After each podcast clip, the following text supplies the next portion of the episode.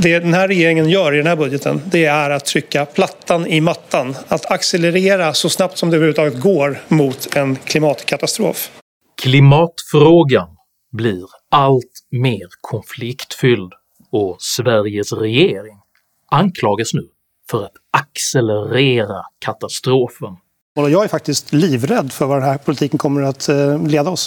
Vilka är det som formulerar denna skarpa kritik? Vad grundas kritiken egentligen på? Och vad händer med ett samhälle som hyllar radikalism och bestraffar pragmatism?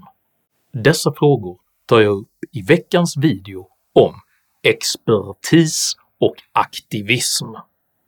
Gillar du mina filmer så hjälper du mig att kunna fortsätta göra dem om du stöttar mig via något av betalningsalternativen här nedanför. Det är endast tack vare ert generösa och frivilliga stöd som jag kan fortsätta att utveckla denna kanal, så ett stort, stort tack till alla de av er som bidrar.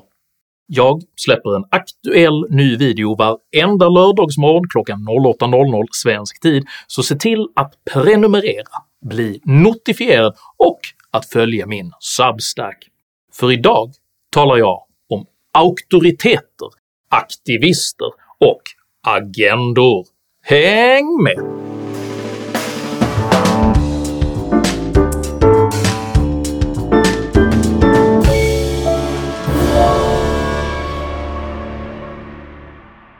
Ordet expert kommer från latinets prefix ex, vilket betyder ur, och peritus, vilket betyder erfarenhet eller beprövad. Peritus var även den titel som romerska kyrkan under medeltiden gav till rådgivande teologer vid ekumeniska kyrkokoncilier, vars uppgift var att genom sina välrenommerade erfarenheter, alltså ex periti, försvara den katolska kyrkans makt mot kättare. I dagens språkbruk betyder ordet expert ungefär sakkunnig specialist, men precis som under medeltidens kyrkokoncilier åberopas även i den moderna samhällsdebatten ofta speciellt utvalda experter för att försvara specifika åsikter och politiska maktförhållanden. Ett aktuellt område där expertis och aktivism på denna maktpolitiska grund ofta blandas samman är just den känsliga klimatfrågan. Ett exempel på detta är hur både Dagens Nyheter, Aftonbladet, TT och Public Service återkommande väljer att lyfta fram klimatforskaren Mikael Karlssons personliga värdeomdömen gällande Sveriges nya regering. Klimatforskaren Mikael Karlsson tycker att Sverige riskerar att bli lika dåliga på klimat som Polen och Ungern på mänskliga rättigheter. Mikael Karlsson tycker att Sverige skämmer ut sig internationellt. Det här påståendet som är i stil med att jorden skulle vara platt. Det är naturligtvis helt legitimt att få uttrycka åsikter som dessa även för en forskare, men Ingenstans berättar något av de medier som publicerar dessa citat att Carlson även är aktiv partner i företaget 2050 Consulting, vilket bland annat arbetar med att påverka just medier och politiker i klimatfrågan. Karlsson har även under många, många år ägnat sig åt klimataktivistiskt arbete såväl genom sina täta kopplingar till Miljöpartiet som i sin roll som ordförande för lobbyorganisationen Naturskyddsföreningen. Naturskyddsföreningen och eh, våra eldsjälar brinner utifrån en frustration över allt det vi gör mot vår gemensamma miljö. Det finns ett par drag som kännetecknar de här. Det ena är glöden och det andra är kampen för vårt gemensamma klot. Att alla dessa medier underlåter att informera om Carlssons aktivistiska bakgrund och istället uteslutande framhäver hans forskningsroll gör det lätt att uppfatta även hans personliga åsikter och påverkansarbete som vetenskap. Detta är ett exempel på hur expertis på maktpolitisk grund blandas samman med åsikter. Ett liknande exempel är när nuvarande energiminister Ebba Busch under valrörelsens slut efterfrågade ny kärnkraft och möttes av mothugg i form av en lång artikel som Dagens Nyheter valde att publicera fyra dagar före valet. Artikeln lyfte fram professorerna Arne Kaiser och Thomas Kåberger, vilka samstämmigt dömde ut eventuella kärnkraftsambitioner som ren bluff. Jag blir lite uppgiven när man pläderar för kärnkraft, särskilt storskalig kärnkraft som jag absolut inte tror blir lönsam. Nödvändig är kärnkraften inte, de flesta elsystem i världen klarar sig utmärkt utan kärnkraft. Vad Dagens Nyheter dock inte berättar är att båda dessa professorer under många decennier även ägnat sig åt anti-kärnkraftsaktivism. Det EU-finansierade kärnkraftshistoriska forskningsinitiativet Honest beskriver till exempel Kaiser med orden Kaisers intresse för kärnkraftsystem stammar ur 70-talet då han parallellt arbetade som tjänsteman och expert för antikärnkraftsrörelsen.”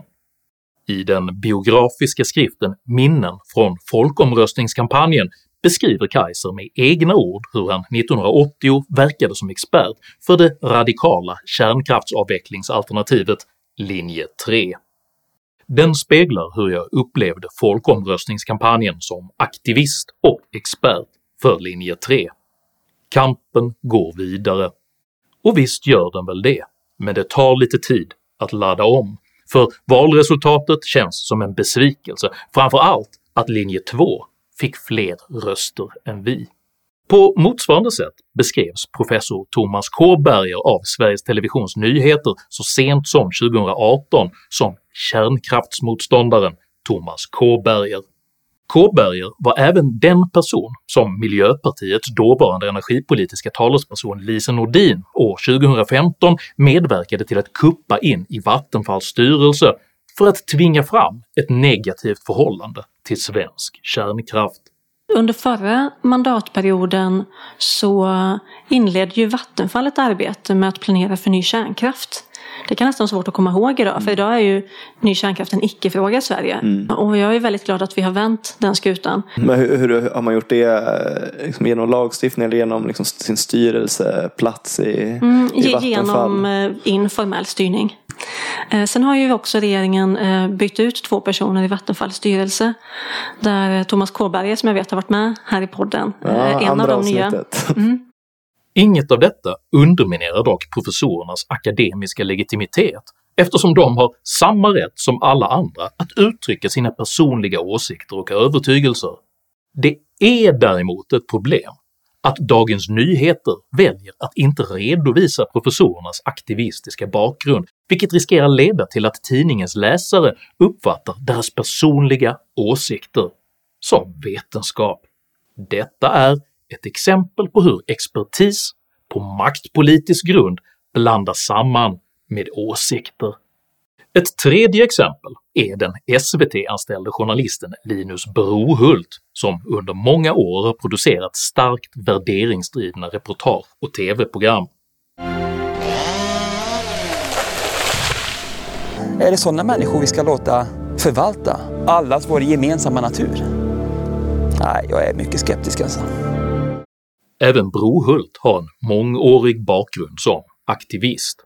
Mellan 1992 och 1994 tjänstgjorde han som förtroendevald för Miljöpartiets ungdomsförbund och under slutet av 1990-talet var han talesperson för den klimatradikala rörelsen Socialekologisk aktion. I denna organisations tidning Ekologisten uppviglade Brohult återkommande allmänheten till att genomföra olagliga aktioner för klimatets skull, och 2001 fälldes han själv för sabotage mot vägtunnelprojektet Södra länken. Denna bakgrund hindrar naturligtvis inte Brohult från att arbeta som journalist, men att skattefinansierade public service vetenskapsredaktion väljer att anställa honom just som redaktör för reportage om klimatfrågor utgör en uppenbar och faktiskt omdömeslös intressekonflikt. Detsamma gäller Sveriges Televisions Nyheters stående klimatreporter Erika Bjärström som under många, många år producerat mängder av inslag om klimatet och ofta med påtagligt alarmistisk retorik. Men som vi alla kan höra så är det en katastrofal framtid som vi går till mötes. Vi står nu inför ett vägval, kollektivt självmord eller det krävs kollektiv handling. Även Bjärström har bakgrund som klimataktivist, vilket det före detta miljöpartistiska språkröret Birger Schlaug bekräftar. Det är riktigt att Erika B har en bakgrund som såväl journalist på Alternativet snedstreck miljömagasinet under den tid tidningen var i Miljöpartiets ägo. Erika var också anställd av gröna gruppen i EU-parlamentet innan hon kom till SVT. Som tidigare påtalat underminerar detta inte på något sätt Bjärströms legitimitet som journalist, men att public service nyhetsprogram anställer en före detta klimataktivist som just klimatreporter utgör precis som i fallet med Brohult en uppenbar och omdömeslös intressekonflikt. Journalistskrået tenderar att försvara denna ordning genom att understryka sin kapacitet att skilja på åsikter, fakta och nyheter och att just dessa individer valts ut på grund av sin stora sakkunskap. Men är det verkligen möjligt att endast personer med bakgrund som klimatradikala aktivister har denna stora sakkunskap? För det förekommer nämligen inga klimatjournalister med aktivistisk bakgrund för kärnkraft, teknologisk utveckling och anti-alarmism. Man kan därför med fog ifrågasätta lämpligheten i att en så stor majoritet av svensk klimatrapportering produceras av en liten grupp individer med mycket homogen klimataktivistisk bakgrund. Risken är överhängande att detta är ännu ett exempel på hur expertis på maktpolitisk grund blandar samman med åsikter.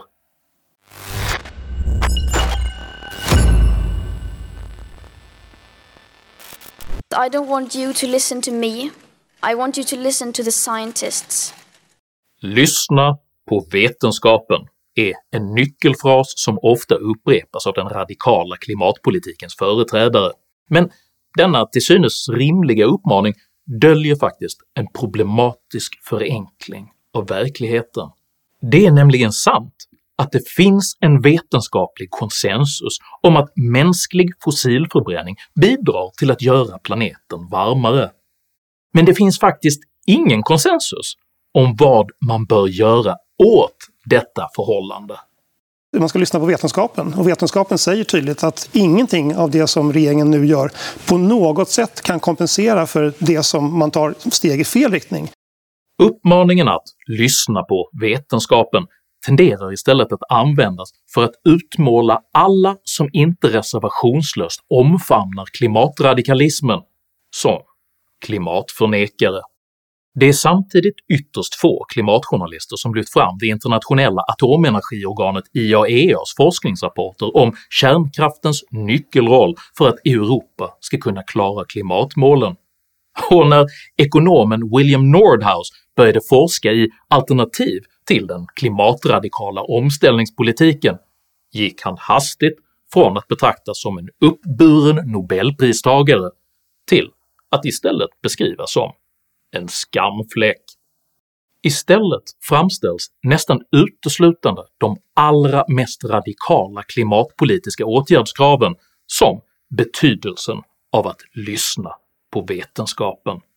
När statsminister Ulf Kristersson i Dagens Nyheters partiledarintervju sa sig inte anse individuell klimatomställning ha något egenvärde utlöste detta därför förutsägbart en kritikstorm.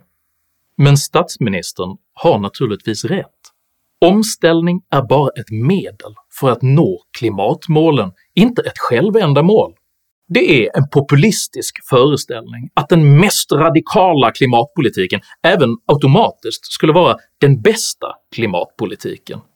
Tvärtom tyder mycket på att den djupgröna radikalismen i själva verket ofta är kontraproduktiv där kärnkraftsnedläggningar och symbolpolitik som riskerar att slå sönder vardagen för människor till låg klimatnytta även minskar samhällets kapacitet att förnya sig själv genom innovation och utveckling. Komplexa samhällsproblem som klimatfrågan kan inte överlåtas till doktrinära fanatiker. utan måste hanteras utifrån en demokratiskt välförankrad föreställning om vad ett gott samhälle är och hur detta ansvarsfullt kan förverkligas.